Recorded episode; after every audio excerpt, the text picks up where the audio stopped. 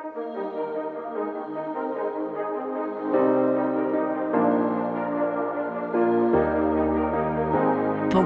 za ljubezen.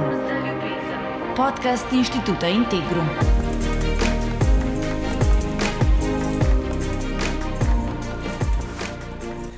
Pozdravljeni v tretji epizodi podcasta Pogum za ljubezen inštituta Integrum. V tej epizodi sem vesel, da lahko gostim gospod Mileno Igličar, ki dela kot ginekologinja v zdravstvenem domu Škofja Loka že okrog 25 let in pri svojem delu opaža, da ženske premalo poznajo tako sebe kot svoj ciklus. Posledica je, da jih pogosto skrbijo, pa tudi begajo stvari, ki so v bistvu normalne. Zelo pomembno je, da se vsem tem veliko naučijo že kot mlada dekleta. Pomagati jim želi, da se znajo veseliti svoje ženskosti. Milena predava tudi v pripravah na poroko, kjer se skupaj s pari veseli ob tem pomembnem koraku. Na kratko jim poskuša predstaviti naravne metode uravnavanja s početi, saj pogosto prav o tem nikjer nič ne izvedo. Milena, dobrodošla. Lep pozdrav. V začetku bi te kar povabil k kratki predstavitvi, v tem smislu, katere stvari v življenju so te najbolj zaznamovale, pa morda tudi malo povezano s tvojim poklicem, odkdaj, zakaj je bila v tebi želja po zdravniškem poklicu? Uh, rojena sem bila v uh, kmečki družini, uh, kjer nas je bilo uh, pet otrok, uh, in smo kot otroci doživeli veliko lepega v odnosu med sabo, nekako črpali iz zelo lepega odnosa med atom in mamo. Vzgajani smo bili v trdni katoliški veri. Uh, In ves čas, že skozi vse otroščo, otroštvo, eh, veliko pomagali doma pri delu. Eh, ves čas sta pa nas, starša, tudi spodbujala, da se moramo učiti, eh, da moramo najprej narediti vse za šolo, in da moramo si izbrati poklic, ki nas bo veselil. Nas niso prav nič usmerjali nekam, kar bi ona dva eh, tako želela. Zdaj, da sem izbrala zdravniški poklic, je mogoče vplivalo tudi to, da je bil zdravnik moj stric in sem tako delač njegovo delo vse čas eh, spremljala. Prav tisto odločitev, končna, ko sem se odločila nekako med zdravniškim poklicem in eh, pedagoškim poklicem, eh, je pa bila eh, potem odločitev na podlagi tega, eh, ko me je psihologinja Antonija Križaj, še zdaj smo prijatelji, vprašala, kaj rajš, kje se boljš počutim v stiku z enim človekom, ena na ena, ali boljš pred skupino ljudi. V tistem hipu sem vedela, ne, ne, to je nedvomno ena na ena. no, dobra misel, zelo usmerjen. ja, ful lepo. A, a imaš kakšne spomine tako na, na študentska leta? Uh, v bistvu, ko, ko si razmišljala o specializaciji, katera je bila tista stvar ali pa dogodek, ki te je morda usmerila, uh, ali pa misel razmišljanje prav v to ginekološko stroko? Ja, kot, kot študentje. Se, mislim, da smo se dosti manj pogovarjali med sabo, uh, ni bilo nekih takih skupin, kot zdaj vidim, da se združujejo že enako misleči, pogovarjajo o etičnih vprašanjih. Uh, uh, imajo razna predavanja, pa tako to se mi zdi zelo dobro, kot je zdaj. Takrat se o tem nekako nismo dost. Uh, spomnim se enega pogovora po. Um, Vajah na ginekologiji, ki smo bili, takrat smo bili prisotni pri splavih, in smo se pol ena skupinca manjša pogovarjali med sabo, če bi se odločili za specializacijo iz ginekologije, pa smo vsi rekli, da ne, prav, prav zaradi splavov. Uh, sem pa pol po tistem zelo veliko razmišljala, da um, to na vse zadnje tudi ni prav, da vsi, ki uh, imamo drugačen pogled na življenje, ki nekako vse čutimo spoštovanje do življenja od spočetja naprej, se enostavno umaknemo in s tem uh, rešimo svoj problem, da pa verjeten to ni prav. Ampak še vsem, če bi me takrat kdo vprašal, če bom šla v ginekologijo, bi rekla zanesljivne. Moja želja je bila takrat psihiatrija. No, ko sem pa potem po, po končanem študiju, po, po pripravništvu, se je, se je pokazala priložnost za ginekologijo v bližnjem zdravstvenem domu in glede na to, da sem imela takrat že tri otroke, da sem vedela, da bo vožnja v Ljubljano težka za neke druge izbire, sem se, čeprav zelo težko, odločila za ginekologijo. Takrat sem razmišljala tako: dolgoročno bom delala v ambulanti, splavov mi ne bo treba delati, ostale stvari bom nekako reševala. ampak, zelo hitro v začetku specializacije, sem videla, da zelo velik del splavov opravijo specializanti. in sem uveljavila ugovor vesti, sicer ne bi, ne bi šlo. A je kaj povezanega s tem tudi, ko si potem naprej nadaljevala to izobraževanje za napro zdravnika oziroma napro tehnologijo? To se je pa potem čisto kazalo sproti potrebo. Že ves čas sem se nekako veliko brala o naravnih metodah uravnavanja spočetij, še kot študentka, kar je bilo takrat literature, tudi za svojo uporabo, z možem sva ves čas, uporabljala naravno metodo in, to sem se izobraževala že ves čas, potem v ambulanti, seveda sem na začetku bila prepričana, da bom navdušila veliko, veliko svojih pacientk za to metodo, vendar sem hitro odkrila, da to ni za vse, da to je na neki način način življenja, da zato morata biti oba, da jih mora to na neki način osrečevati, ne da je to neka, neka ovira ali, tako, in sem videla, da kar dosti parov, uporablja, naravne metode, in sem ves čas jih spodbujala, da to, da se zares naučijo, da zanesljivo uporabljajo, če hočejo, da jih to na neki način osrečuje, ne spravlja v stalen strah. in jih ves čas usmerjala, usmerjala v tečaje, ki so se pri nas v Sloveniji, pojavljali, razvijali, za različne metode. Za ja, za napro, za napro, sem pa izvedela od Iskreni net, so me povabili zraven in malo seznanili o tem, ke sta bili dve svetovalki na izobraževanju fertility care metode v v Ameriki.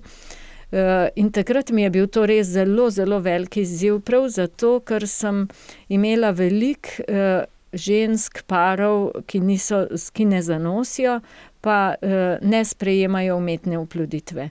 In tem parom se zelo hitro neha, koliko jim, koliko jim lahko še pomagaš, in to mi je bil in mi je še vedno zelo, zelo velik izziv, tudi tem parom pomagati. Samo malo, če se vrnem nazaj, se pravi, ti si sodelovala poleg pri metodah naravnega načrtovanja družine v Sloveniji v bistvu že od začetka, od, no, koledarske, ampak pol Simptotermalne pa tudi do fertility care in Billingsove, ne? Ja, nikoli nisem bila jaz učiteljica kakšne metode. To ne. z vsemi sem se toliko seznanila, v bistvu res v prvi vrsti mogoče, čisto za svojo lastno uporabo in toliko, da sem ženskam vedela razložiti, če vam bolj, če vam je bolj bližje. Samo opazovanje sluzi se obrnite tja, če, bi si merila tudi temperaturo, bo za vas bolj ta metoda, jo učijo tukaj, bolj, bolj v tej smeri, v ambulanti ni časa podrobno razlagati, lahko jim povem, o ciklusu, kako je, na kratko, tudi prav s tem namenom, da razumejo, da razumejo, kaj se sploh v, v ciklusu, dogaja, prav v tem smislu, kot si že v napovedniku rekel, da, da vejo, kdaj je ovulacija, da takrat lahko čutijo neko bolečino, da je takrat več sluzi, da se na ultrazvoku vidi takrat cista dva do dva pa pol centimetra, da so vse te stvari normalne. Sicer marsikakšna pride zaradi te bolečine ginekologu ali za več zaradi več izcedka, takrat, in, ne vejo, kaj je to. premalo smo podučeni splošno javnost ne, o tem, kaj je naravno za naše telo. Ja. del tega. Ja, sigurno. No, zato sem pa tudi hvaležen za ta pogovor, ja, tako da upam, da še kakšno stvar bova uh, normalizirala oziroma jo predstavila na ta način, da bo bolj razumljiva. Ampak lahko še besedo o napro izobraževanju oziroma čemu je v prvi vrsti namenjeno, tako za tiste, ki še ne poznajo, kaj je njegov osnovni namen, poslanstvo, cilj? No, mogoče, mogoče bi zdaj čist nekaj malega še temeljno o naravnih metodah načrtovanja družine, zato da potem nadgrajujem. E, naravna metoda načrtovanja družine pomeni, da ženska spozna cvo, svoj ciklus, da si opazuje določene znake, kakšno sluz e, e, opazi na papirju, ko se obriše, e, potem kakšen občutek ima ob tem, ko se obriše. Uh, eno je opazovanje sluzi, drugo je merjenje temperature, ki se v drugem delu ciklusa po ovulaciji nekoliko dvigne, in iz teh znakov potem ona določi, kdaj v mesecu so plodni dnevi in kdaj so neplodni dnevi. In uh, to je za njiju zelo uporabno, ker veste, kdaj sta plodna in kdaj nista. In zdaj je odvisno, takrat, ko želita zanositi, imata ljubezensko spolne odnose v plodnih dneh, takrat, ko ne želita, se pa v teh dneh uh, spolnim odnosom uh, izogneta. No, in ženska si po različnih metodah, pri nas se zdaj uči še vedno Billingsova metoda, to je samo opazovanje sluzi, potem simptotermalna metoda, kjer se opazuje sluz in meri temperaturo. Ta metoda se zdaj imenuje Senziplan, tudi ta se zdaj zelo uči, tudi razvija zelo dobre aplikacije na telefonu. Potem fertility care metoda, ki je na nek način podlaga za napro zdravljenje, je, izhaja iz Billingsove metode, je modificirana Billingsovo metodo, ki jo je razvil ginekolog dr. Hilgers v Ameriki. Svojo skupino so zelo veliko delali na opazovanju sluzi, so pregledovali ženske in to sluz opazovali in primerjali. Potem pregledovanje hormonov v krvi in ultrazvočnem sledenju folikla razvoja ovulacije v jajčniku.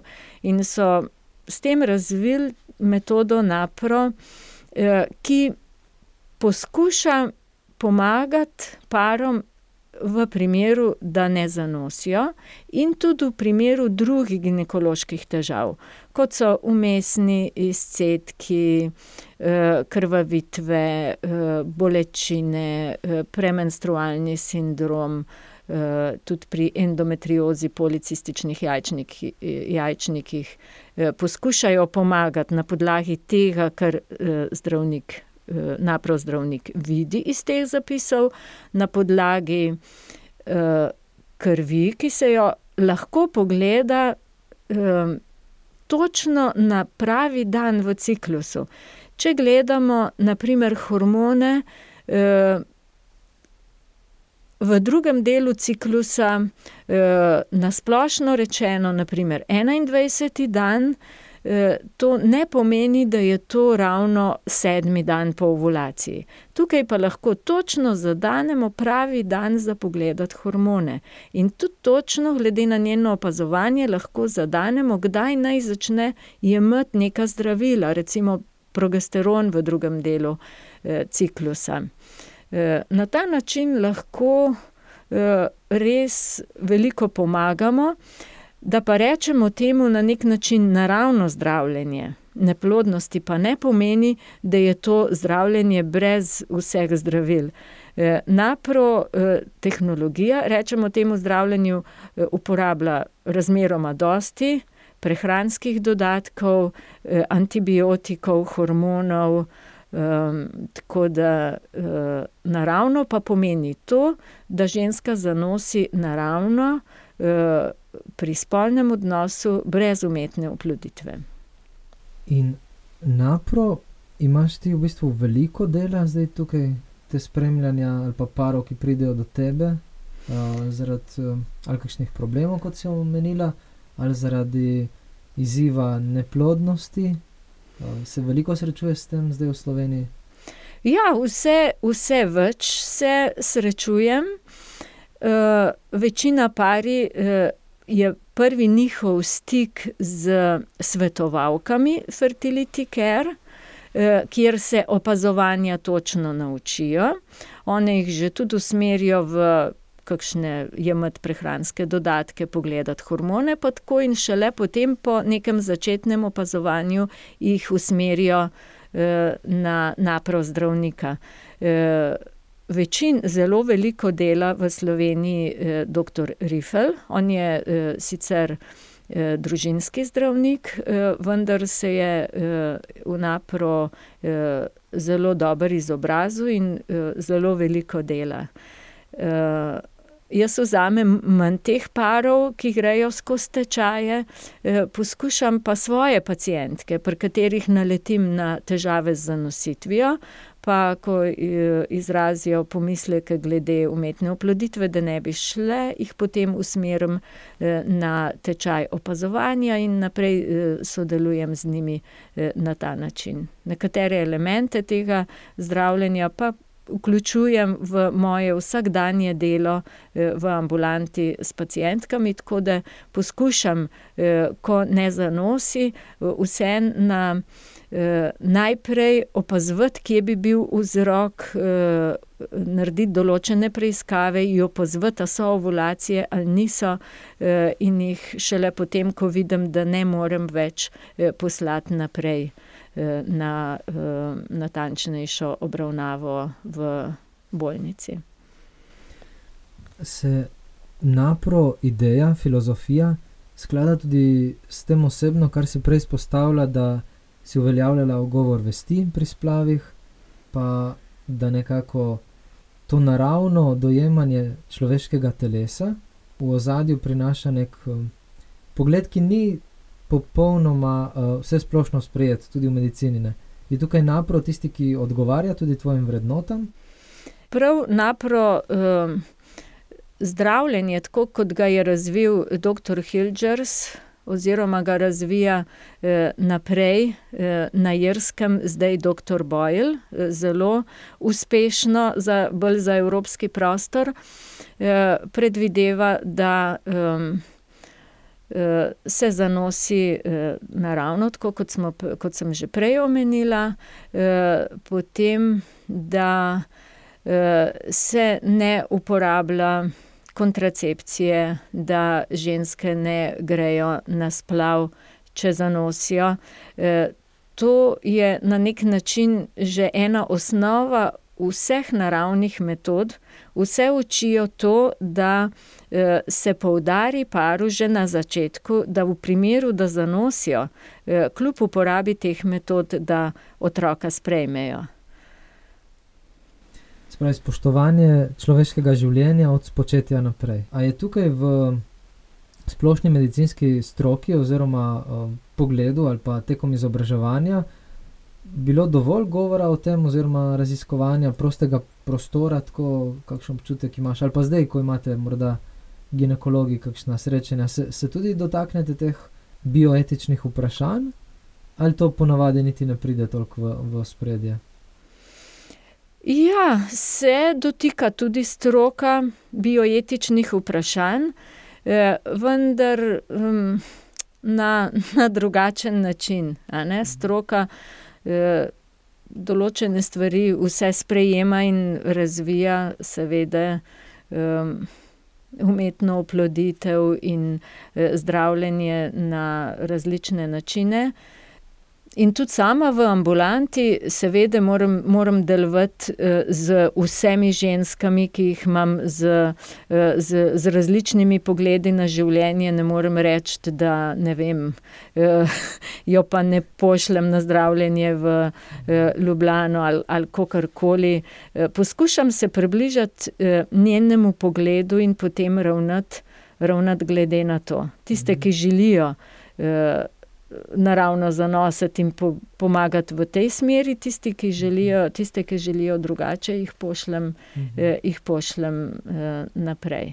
Tukaj je verjetno kar izziv, ne? ker eh, te naše različne predispozicije, pa tudi izkušnje ranjenosti, morda včasih uh, nas zelo držijo znotraj enih okvirov in težko pol tudi to, kar spremenimo ali pa premislimo, si predstavljamo. No. Ja, jaz se mi zdi, da mm, je zelo, res zelo težko postavljati neka splošna pravila, ker ne vemo, eh, ko imam pred sabo žensko eh, in z vsem njenim vzgoje, doživljanjem spolnosti že skozi otroštvo in kasneje z njenim doživljanjem vsega v, v, v, v trenutni situaciji, eh, nikakor ne moreš z nekimi, z nekimi pravili, ampak eh, je edina pot, da jo slišiš. Da jo razumeš, in da in nekako v tistem trenutku poskušam svetovati, kar mislim, da bo za njo najboljši. Zanima me še morda, to, kar si študirala, pa potem tudi se učila prek uh, primerov, ki si jih imela v ambulanti. Uh, so ti kakšne stvari tudi prišle prav v, v osebnem življenju, pri vzgoju otrok ali pa to? Če je bilo kaj takega, kar morda ti prije na misel, da, da si kdaj povezala ali kakšno znanstveno spoznanje, odkritje ali kakšno izkušnjo, tako, ko so tvoji otroci odraščali, morda tako, če je kakšna misel pri spolni vzgoji doma se mi zdi, da moje znanje uh, in izkušnje mi niso zelo veliko pomagale. Eh, prvo, kar je bilo, sem se vse čas držala, da nisem pretirano govorila o stvarih v službi eh, doma, ker prvi, prva stvar je, da tle nas drži tudi molčečnost in o tem res nisem veliko govorila vzgoja v družini, mislim, da v prvi vrsti temelji na svojem lastnem odnosu do telesa. Otroci to opazujejo, kakšnega imamo midva, potem na najnem medsebojnem odnosu, učijo se iz tega, kakšen je najn odnos, e, in potem v neki, nekem odnosu do vsakega otroka posebej. Uh, se mi zdi, da prvi pogoj je, da si odprt, da si z njimi pogovarjaš, da ti lahko povejo, ko kar uspeš. Jaz vem, da to ni bilo vedno tako, da uh, mi niso verjetno mogli povedati vedno to, kar bi radi. Uh, potem, da spoštujemo nekako njihovo intimnost, takrat, ko rečejo prvič, ne vem, zapre vrata v kopalnico, pa tako, ki želi. Um, uh, določene stvari sam, da nisi več zraven, da to pač vse upoštevaš. Uh, in pa slediti njihovim vprašanjem. Ne, da jih bombardiraš z nečim, ampak da si vse čas pozoren, da te želi nekaj vprašati in mu tisto odgovoriš. Uh, jaz imam tri, tri uh, hčerke in dva sinova, ko nazaj razmišljam. Uh, Eh, mislim, da sem se s hčerkami več pogovarjala kot s sinovoma, tukaj sem sigurno, ne vem, verjetno slabše odigrala svojo vlogo. Eh, včasih sem jim pa povedala tudi kakšen primer iz službe, predvsem, kaj lahko določen način obnašanja, kakšne posledice lahko pripelje. Eh, čist kakšno praktično reč. Tako, to, to sem jim včasih povedala, ne pa prav zelo, zelo dost. Kaj pa danes, morda tisto, še, kar te najbolj napolnjuje, navdušuje pri tvojem poklicu, kar eh, te polni, ko, ko greš v službo ali pa ko prideš domov? Ja, vse čas v službi mi je že vse čas veliko veselje eh, spremljanje nosečnic, a ne to veselje, ko pride noseča, sploh kadar dalj časa ne zanos, pa da pol vidiš tistega eh, otročka, dva centimetra velik, pa je že ima čiste oblike, srček utripa, premakne rokce. Mislim, to mi je res en tak trenutek, ki me, me napolni tudi za vse, eh, za vse težko. Seveda, s tem, s tem povezane so tudi zelo težki trenutki, ko ni v redu, ko jim moraš povedati stvari, eh, ko nekaj ne gre v redu. To so tudi zelo, zelo težki trenutki, ampak se mi zdi, je, je neki ziv, na kakšen način vse to delati. Tako da to mi je, to mi je v veliko veselje, tudi nekako se. Eh, Pustiti ženskam, da povejo svoje, vedno je tle, seveda, uvira tudi čas, tisti kratek čas, ki imamo odmerjen, velikrat omejuje, da bi se lahko o kakšni reči več pogovorila.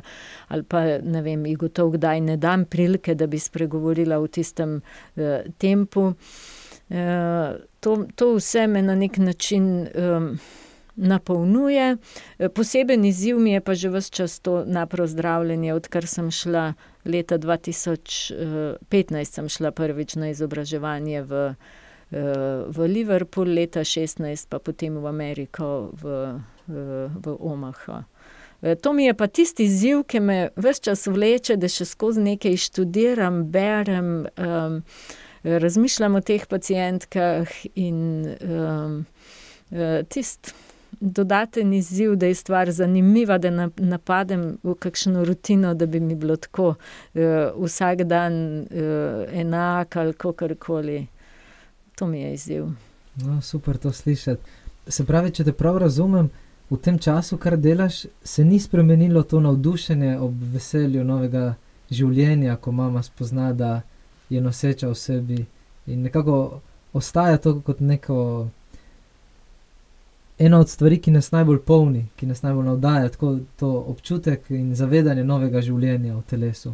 Ja, to, to, ne, to ne pade. Ali pa mogoče, mogoče se s časom še veliko bolj zavedam tega. Res, veliko bolj se zavedam. In tudi uh, mogoče mi je na nek način še veliko težje um, v trenutku, ko to življenje vidim, pa se ženska odloča za splav. Eh, to, mi je, to mi je tudi, se mi zdi, skozi teže. Tako da sem kasneje uveljavila tudi dogovor vesti za napisati na potnico za splav. To, mhm. kar v nekem trenutku sem čutila, da tega eh, ne morem več, in, in sem se eh, tako pol s kolegom, ki dela v sosednji ambulanti, ali pa še ena druga zdravnica, pride enkrat na teden, tako dogovorila, da na pot, jaz jo pogledam, se z njo pogovorim in še mogoče poskušam dati kakšno spodbudno besedo, eh, na potnico pa potem eh, drug napiše. Pa se mi zdi zanimivo, da ženske nekako to razumejo. No? Nisem še naletela na kakšen eh, odpor ali pa kakšno jezo, pa kakšni, saj ne, ne da bi pokazala. Poskusimo jim omogočiti, da jim to nekako ne ovira, da bi mogla ne vem kolikrat za to. Eh, Pridati in imeti s tem neke težave, ker to imamo tudi po, eh, v bistvu, tako zakonsko predpisano, da lahko uveljavljaš ugovor vesti, eh, ampak moraš, mora biti omogočen, da ona vse te stvari, ki, ki, do katerih ima pravico, eh, lahko to storitev eh, dobi od nekoga drugega. Kaj so pa kakšne stvari, pri katerih opažaš, da so se spremenile, odkar si začela delati eh, v ginekologiji v teh vem, zadnjih 25 letih? Pri, a je kakšna stvar, tako, ki ti da recimo občutek, da uh, današnje ženske, mislim, današnje, ko danes pride ženska k tebi, da je morda kakšno stvar drugače dojema na področju spolnosti ali pa sprememb v svojem telesu, kot tiste, ki si jih imela pred 25 leti. Recimo. Ja, zdaj mogoče. Že pri mladih dekletih uh, vidim na eni strani, da več vejo, več berejo, uh, Eh, bolj se tudi jih večjih imam, ki se poglabljajo v ciklus, ki ciklus poznajo. Eh, zelo velikih ima zdaj na telefonu različne aplikacije, da sledijo ciklus. Tukaj bi mogoče opozorila samo toliko, da eh, če v te aplikacije ne vnaša nobenih opazovanj, so nezanesljive, kar se tiče napoveda, napovedi plodnega in neplodnega časa in pokaže približno verjetno, kdaj je ovulacija. Ampak če si ona nobene znakov ne vnaša, je to, jaz rečem, temu moderna knausoginova metoda, za katero vsi vemo, koliko je bila zanesljiva. Če si pa vnaša noter še neko sluz ali pa temperaturo ali karkoli, pa, je pa to zanesljivo. Tako da samo opazovanje in sledenje ciklusu se mi zdi, da, da se nekako bolj širi in več žensk to.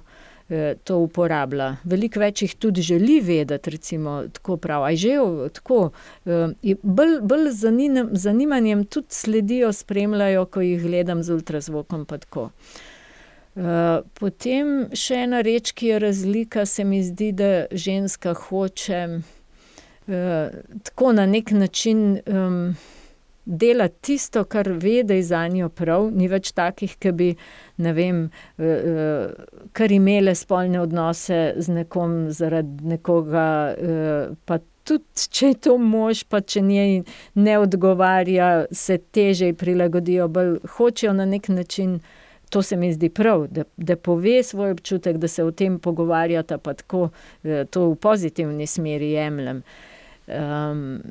tako, potem ena razlika pri mladih dekletih vidim, veliko več jih, tudi pove to, da preizkušajo intimne stike tudi s puncami.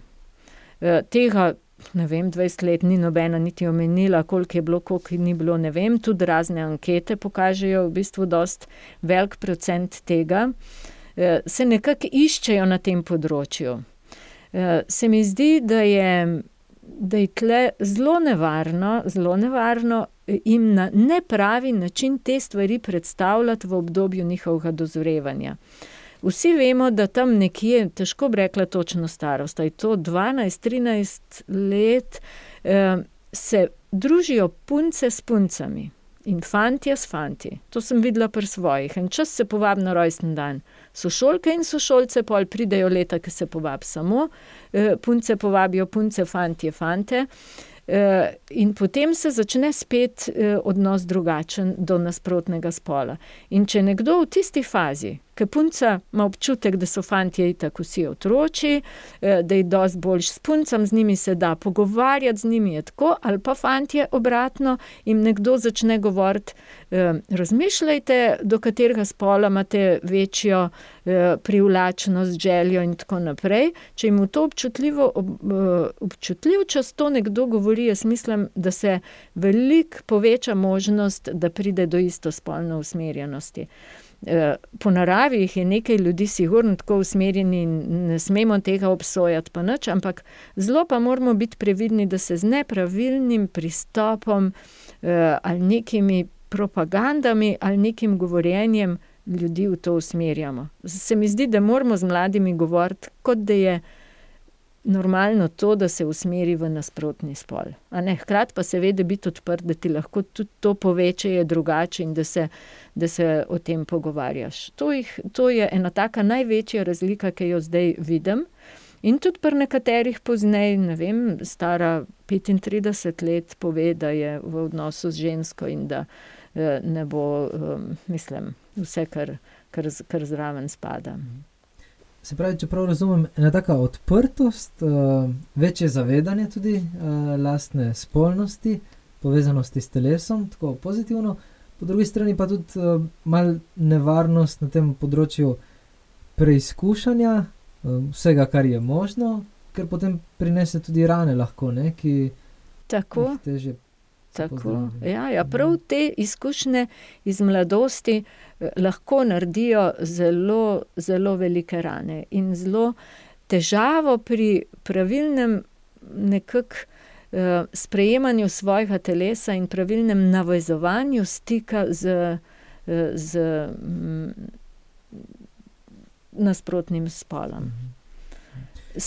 Še to razliko mogoče vidim, da je bilo dvajset let nazaj mogoče celo več nekih prezgodnjih spolnih odnosov.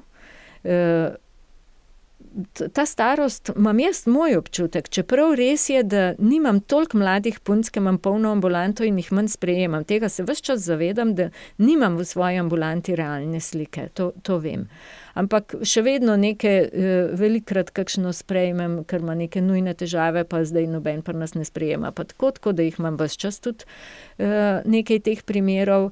imam občutek, da je trenutno večja nevarnost, medijev, pornografije, vseh teh stvari, ki jih niti verjetno jaz sploh ne vem zanje in ne poznam, ampak kakor mi kakšna pove, so to lahko, zelo, zelo težke stvari in mislim, da so danes v nevarnosti mladi veliko bolj, glede, glede teh stvari. Kot pa realnih stikov z nasprotnim spolom, ali istospolnimi, Mogoče ta korona zdajle te stvari še z veliko intenzivnostjo povečuje.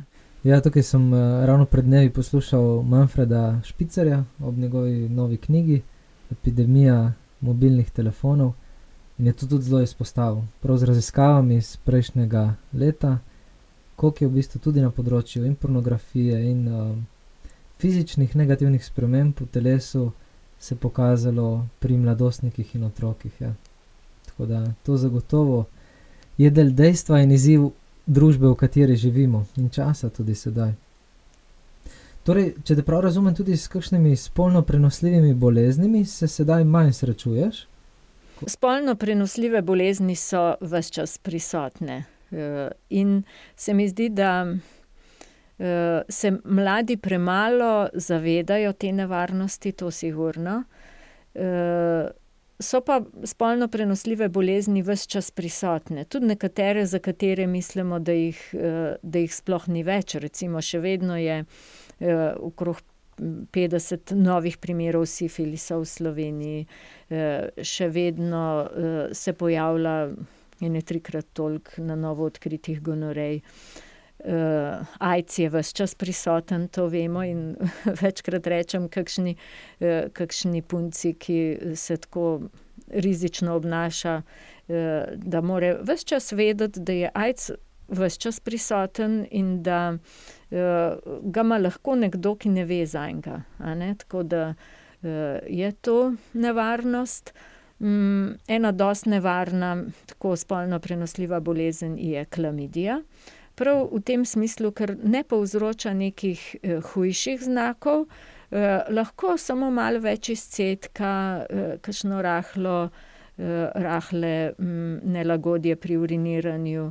Eh, in ker se to ne odkrije ne odkrije tako hitro, ta bolezen počasi napreduje eh, skozi maternični vrat, maternično sluznico, jajce vode na jajčnike in lahko povzroči eh, posledice na jajcevodih, da kasneje ženske težko zanosijo.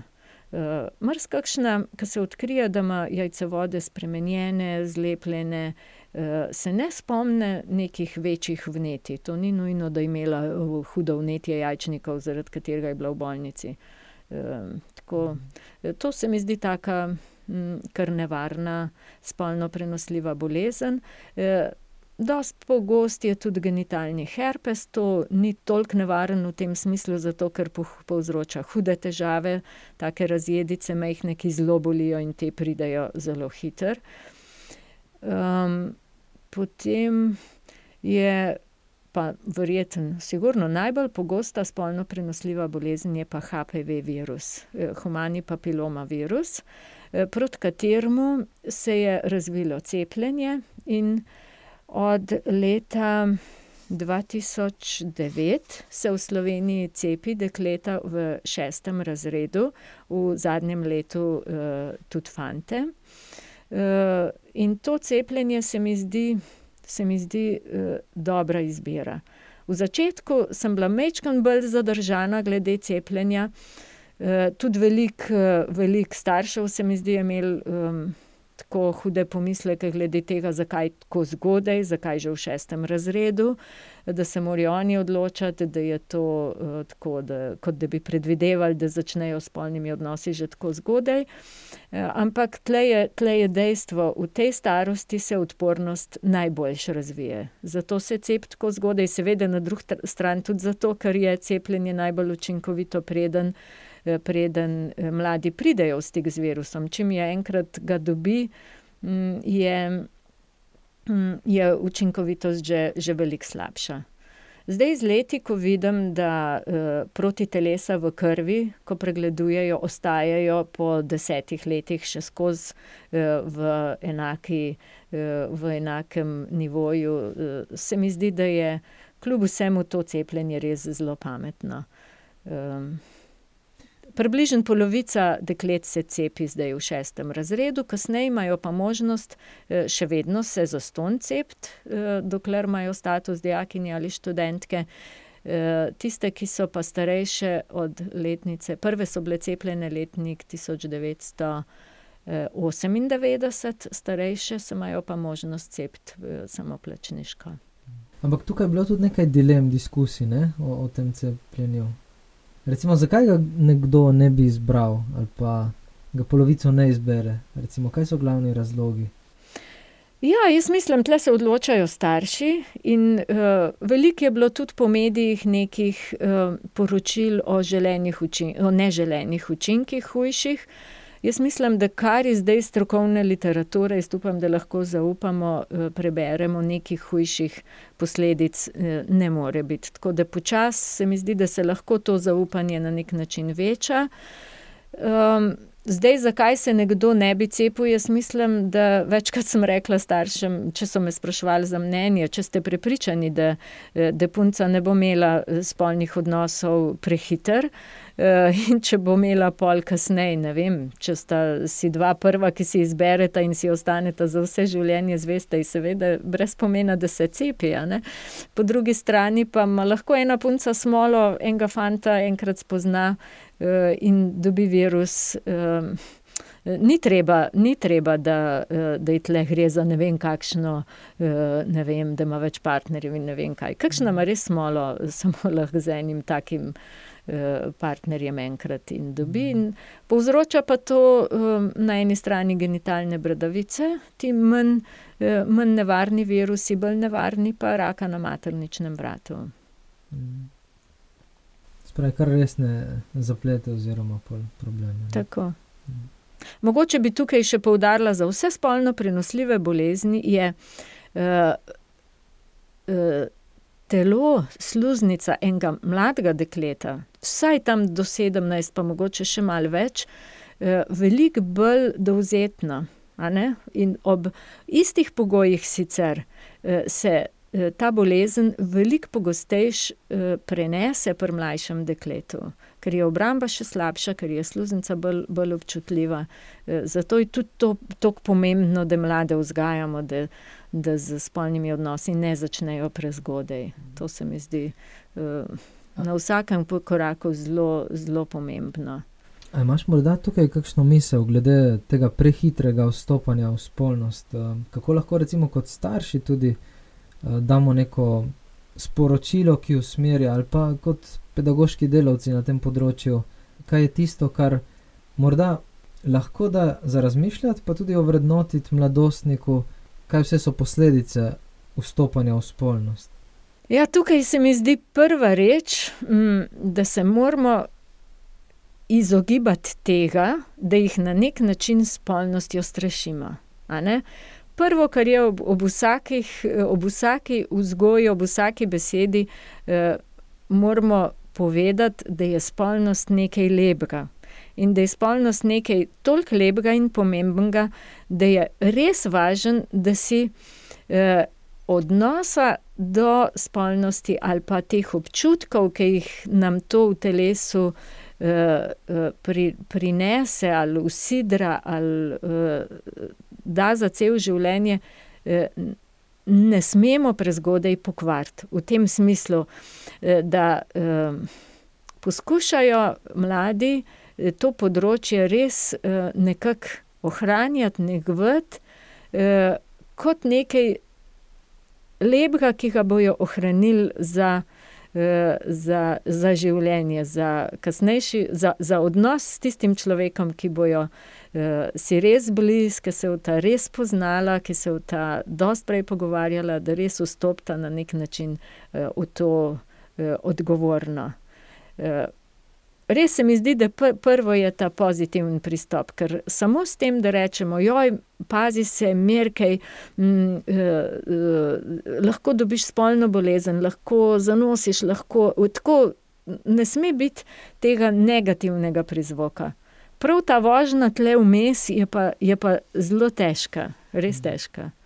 Se pravi, tega moraliziranja ali pa enoznačnega spet obsojanja je najbolj fajn se varovati, ne? res uh, iti nasproti s, s tem, da jim prisluhnemo. Pa kažemo to lepoto. Ne? Če sem te prav razumel, tudi to celostni pogled na spolnost. Ne, ne, ne samo tisti užitek, hkrati, ampak tudi Tako. vse, kar sledi, pa kar sproža z našimi čustvi, odnosom do življenja in ostalimi področji.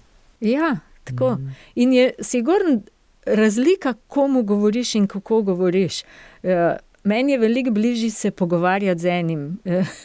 Recimo v ambulanti s tole punco, lahko jo poslušam, mi povem, vidim, kje je, vidim, kaj, eh, kako ji lahko svetujem. Čist nekaj drugega je pa stopiti, recimo pred skupino eh, 30 ljudi v devetem razredu in jim govoriti o spolnosti. Tam noter so taki, m, taki ki.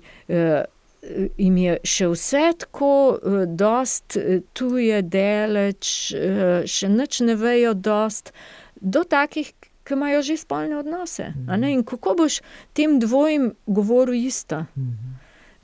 to, tudi v ambulanti srečujem tako en tak velik, velik razpon.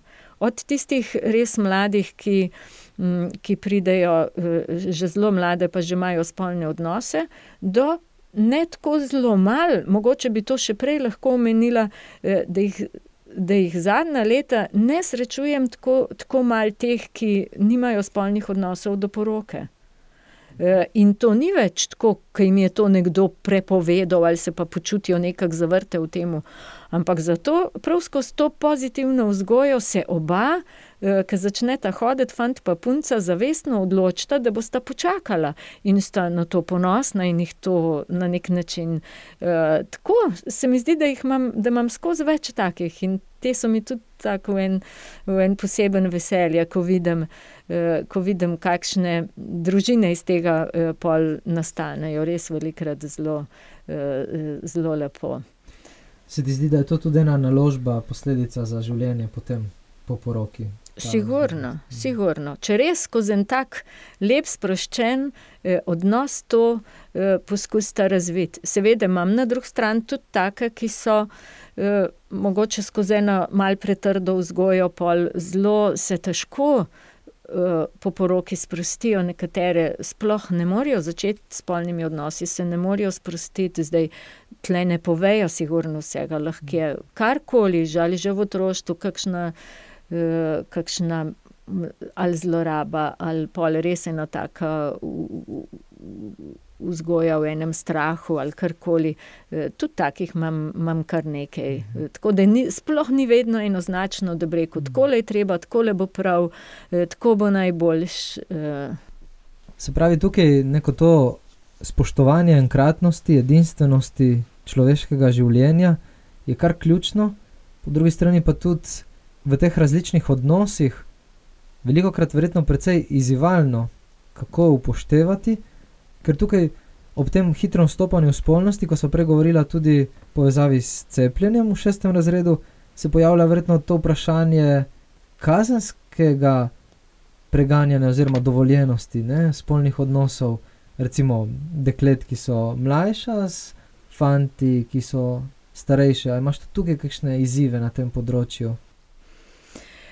Ja, tule smo v, smo ginekologi v ambulanti v enem dosti težkem, položaju takrat, ko pride dekle, mlajšo, mlajša od petnajst let, in ima že spolne odnose, sploh če je fant starejši od nje. v tem primeru, smo dolžni to prijaviti kot spolno, zlorabo ali policiji ali centru za socialno delo. Po mojih izkušnjah, če se za to prijavo odločimo, na neki način izgubimo punco, njeno zaupanje, velikokrat ne pride več, in lahko se zgodijo še težje stvari.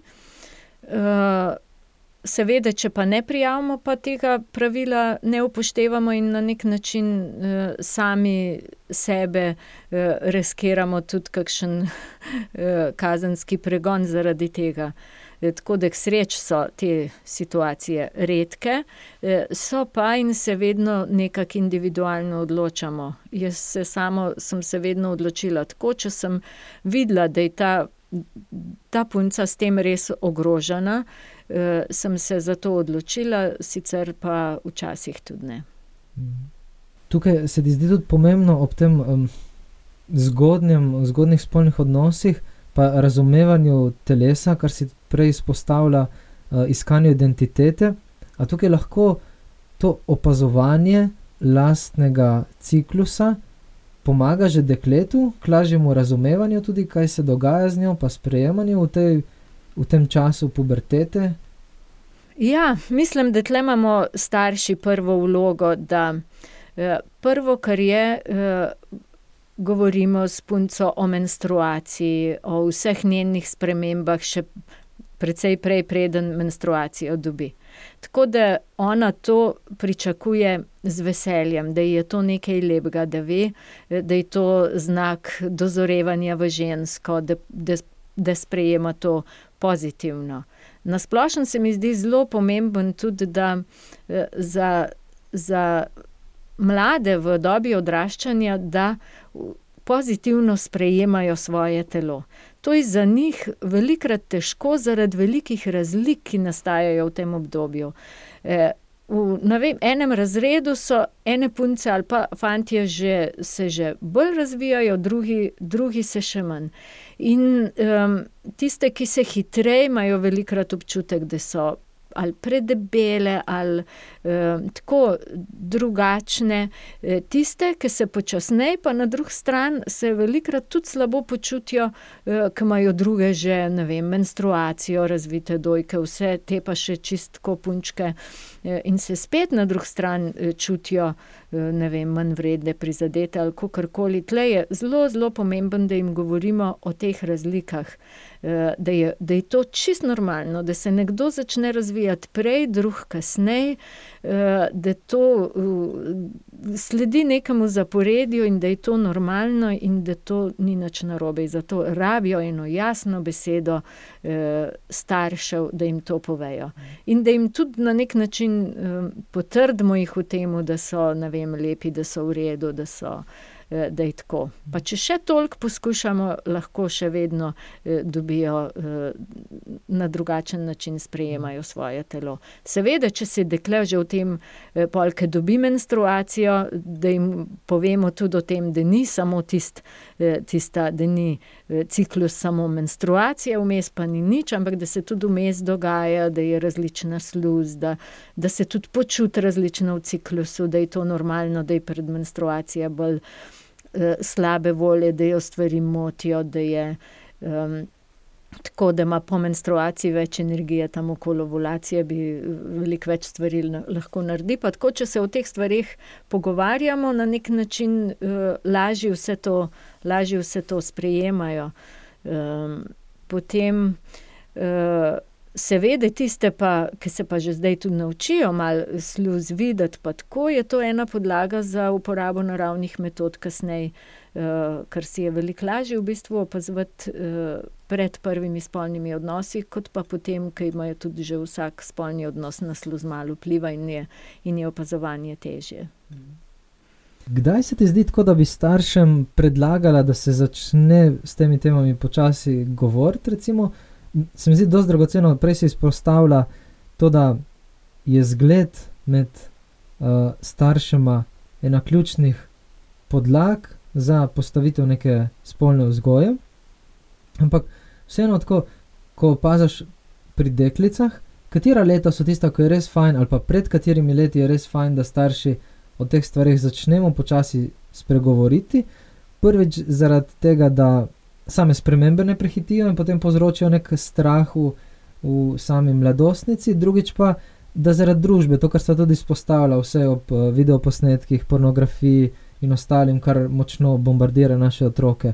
Kdaj bi tako spodbudila starše, da imamo to že v mislih?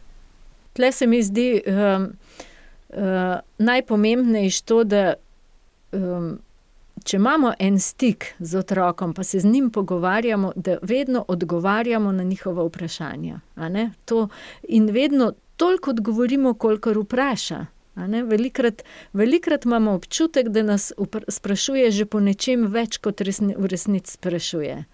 a ne, da se čim bolj res poskusimo držati, jasno odgovoriti na tisto, kar vpraša. Ampak hujše je takrat, ke ne vprašajo, eni pa nič tega ne sprašujejo in je, in je veliko težje, najti pravi, pravi čas. Iskati priliko recimo čez, ne vem, neke take stvari, ki že itak nanesejo, ne da je tisto: "No, zdajle se pa usediva, zdaj imam pa eno pomembno temo," tako kot da nekaj, ampak čisto, da gre to čim bolj spontano skozi življenje. Pri dekletih recimo, nekako, dve leti po tistem, ko se začne pojavljati poraščenost, ko se začnejo eh, razvijati dojke, nekako v dveh letih pol pričakujemo eh, menstruacijo, tako da nekje v tistem, v tistem času, a ne. Uh, začnemo začnemo govoriti o menstruaciji, recimo o samem razvoju, pa, pa prej, čim, čim nekaj opazimo, pa pa pač se poskušamo pogovarjati prav čas, koliko uspe. Ja, ja, to je verjetno vedno so kakšne stvari, ki ostanejo, ne malo, ampak tako, da, da smo tudi verjetno pozorni, ne, aktivni, tukaj od, odzivni. Ja. Tako. In tukaj se mi zdi tudi pomembno, verjetno ključno, morda kakšna misel o tem, kako ti je tudi mož pri tem eh, pomagal, oziroma kako je prek vajnega odnosa že prej prihajalo do tega, ker ko vidim sam iz izkušnje, kako se dopolnjujeva v kakšnih pogovorih in to pri najnih otrocih, verjetno je tukaj tudi tvoja izkušnja mal posebna, oziroma se že nanaša naprej na čas, ko sta se spoznala, kako je pri vama bilo to.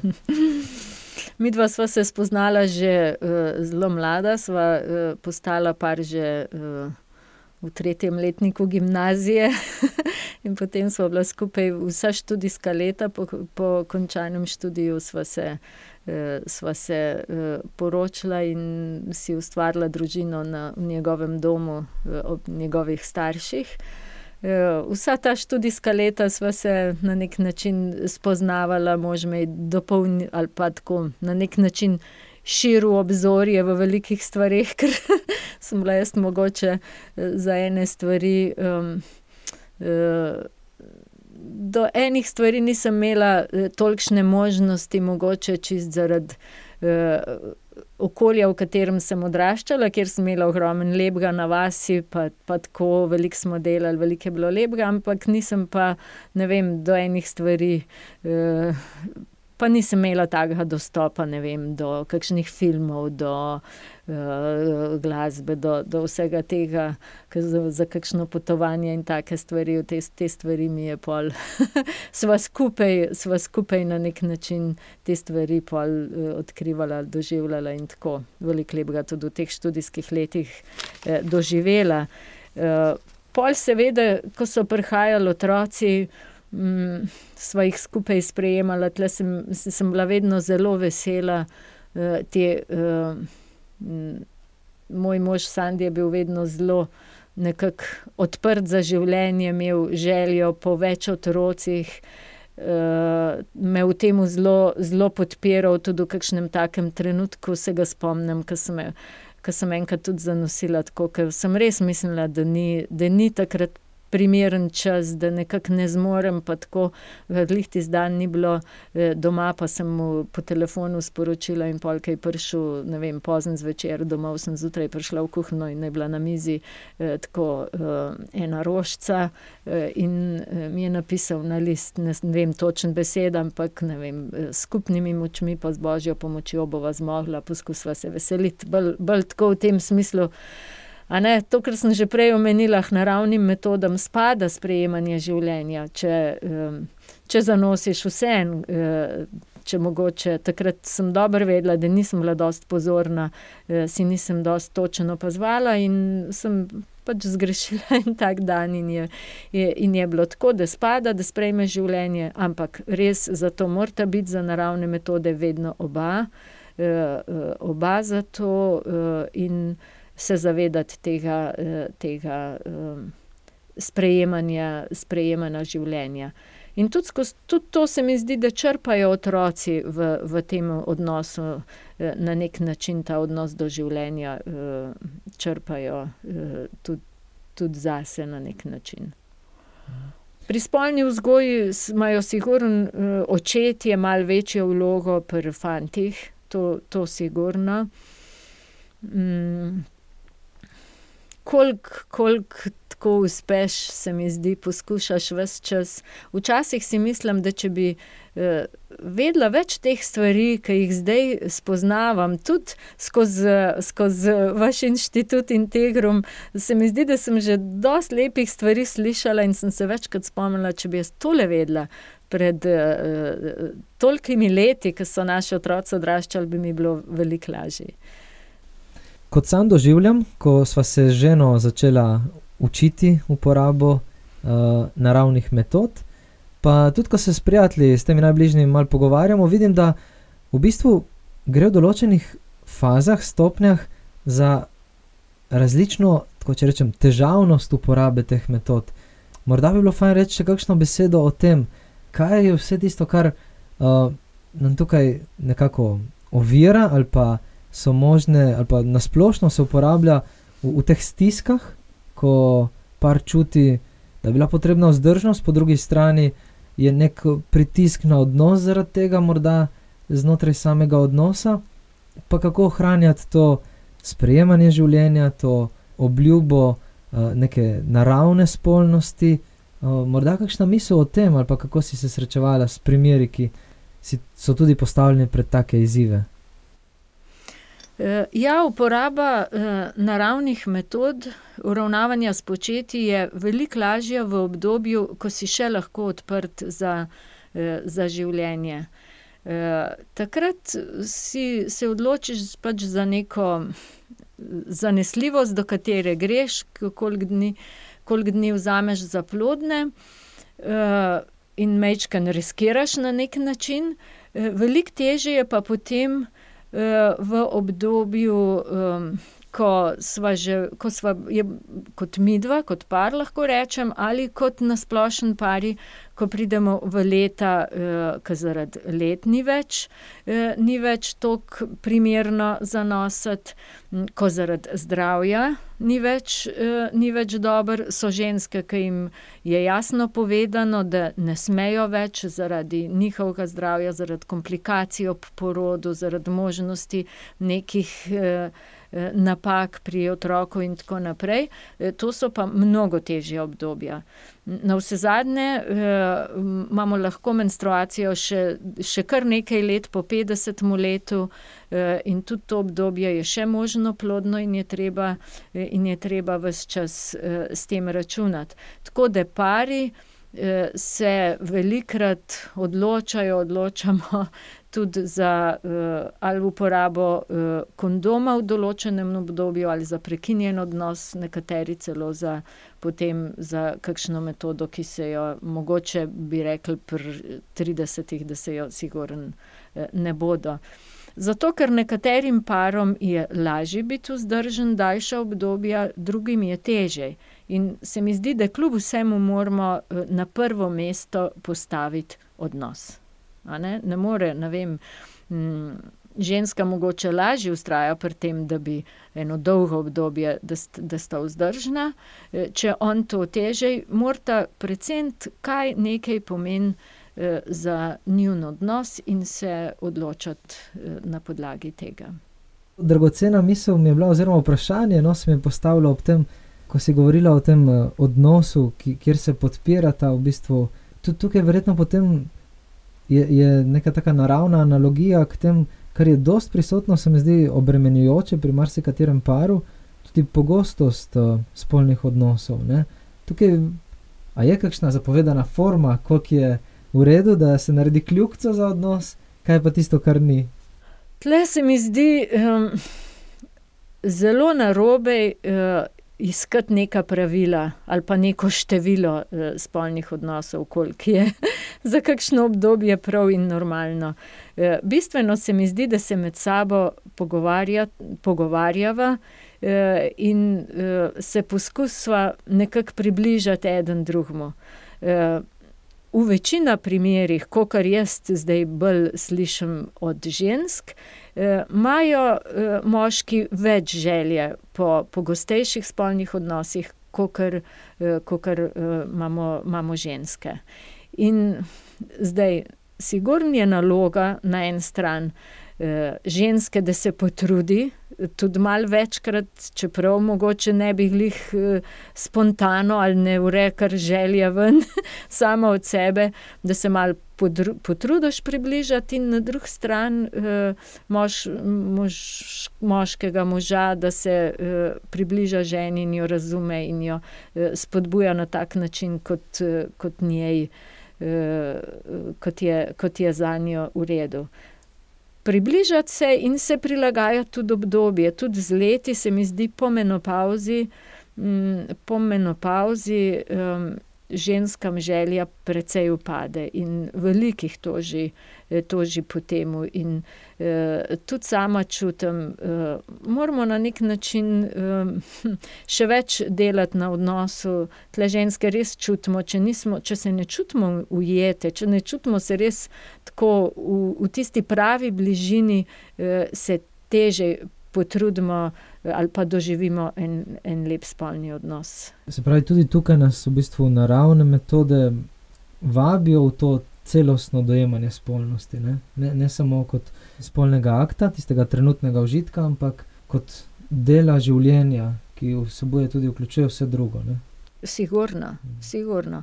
To pogovor, povezovanje, stik prek celega dneva in k naravnim metodam sigurno spada vzdržnost od spolnih odnosov v, v nekem obdobju in, in zanimivo, v Nemčiji so v okviru Senziplan metode delali velike ankete na parih tisočih uporabnikov metod in so eno od reči, ki so jih zaključili skozi to, bilo tudi to, da tistim parom, ki uporabljajo naravne metode, ostane spolnost privlačna v zrelih letih. Bolj kakor, kakor ostalim. Ker se moraš naučiti tega celostnega odnosa in si izražati neko nežnost tudi na druge načine, in navsezadnje vseh, čemur se moraš enkrat odpovedati, malo ti ostane lepše. Se bolj potrudiš, ne, tudi. Več sebe daš. Tako. Ja, iskrena hvala, Milena. A bi imela morda za konec še kakšno zaključno misel, tako, s čimer bi želela povzeti pogovor ali pa podati poslušalcem? Ja, se mi zdi, da, da je res odnos tista prva reč, na kateri moramo temeljiti, iz katerih izhaja vse druge stvari, spolnost, odločanje za otroke, in vse to. In mogoče bi dala tule poudarek zvestobi. zvestoba je ena taka vrednota, ki ti prinese res ogromno. če živiš v enem takem, res, zaupanju, da sva si zvesta, to toliko sprosti odnos, to toliko daje ene svobode, da odpade vsako ljubosumje, in, in se mi zdi, nezvestoba prinese velikokrat v, v odnos zelo veliko težkega. Ni več iskrenosti, ni več zaupanja, spontanosti, mislim, res toliko, toliko na neki način nečesa težkega na račun enega kratkega užitka, ki ga nekdo, nekdo doživi.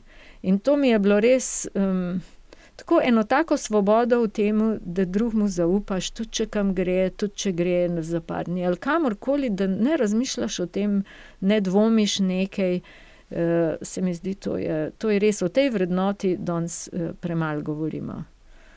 Se strinjam. Milena, iskrena hvala. Pa tudi vsem poslušalcem, tako, res zvesto in pogumno v ljubezen, v odnose, z enim zaupanjem v tem, da, da nam prinašajo veliko, veliko izpolnjujočega, čudovitega, lepega za življenje, ne. Najlepša hvala za povabilo, sem zelo vesela, da sem lahko spregovorila o nekaterih stvareh, o katerih mogoče, redko spregovorim. Hvala. Smo res iskreno hvaležni. Poslušalce pa lahko že sedaj povabim tudi na jesenski seminar, ki ga pripravljava tudi skupaj z Mileno in, bo v prvi vrsti namenjen za pedagoške delavce in starše, navezoval se bo pa na tematiko komunikacije v spolnosti.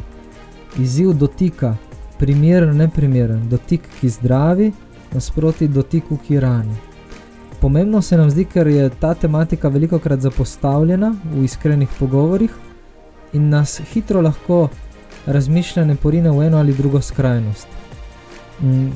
v smislu, zaradi strahu, da ne bi nekoga se nepravilno dotaknili, se potem umaknemo, postavimo neki zid odrežemo v bistvu gradne odnosa. Po drugi strani pa zaradi prepuščanja nekemu užitku potem ranimo z dotiki oziroma lahko celo tako daleč pride do, da govorimo o zlorabah. V umestnem času pa nas lahko spremljate na spletni strani, na Facebook ali Instagram profilu. Vse dobro, pogumno in zvesto ter z ljubeznijo v odnose z bližnjimi. Nasvidenje.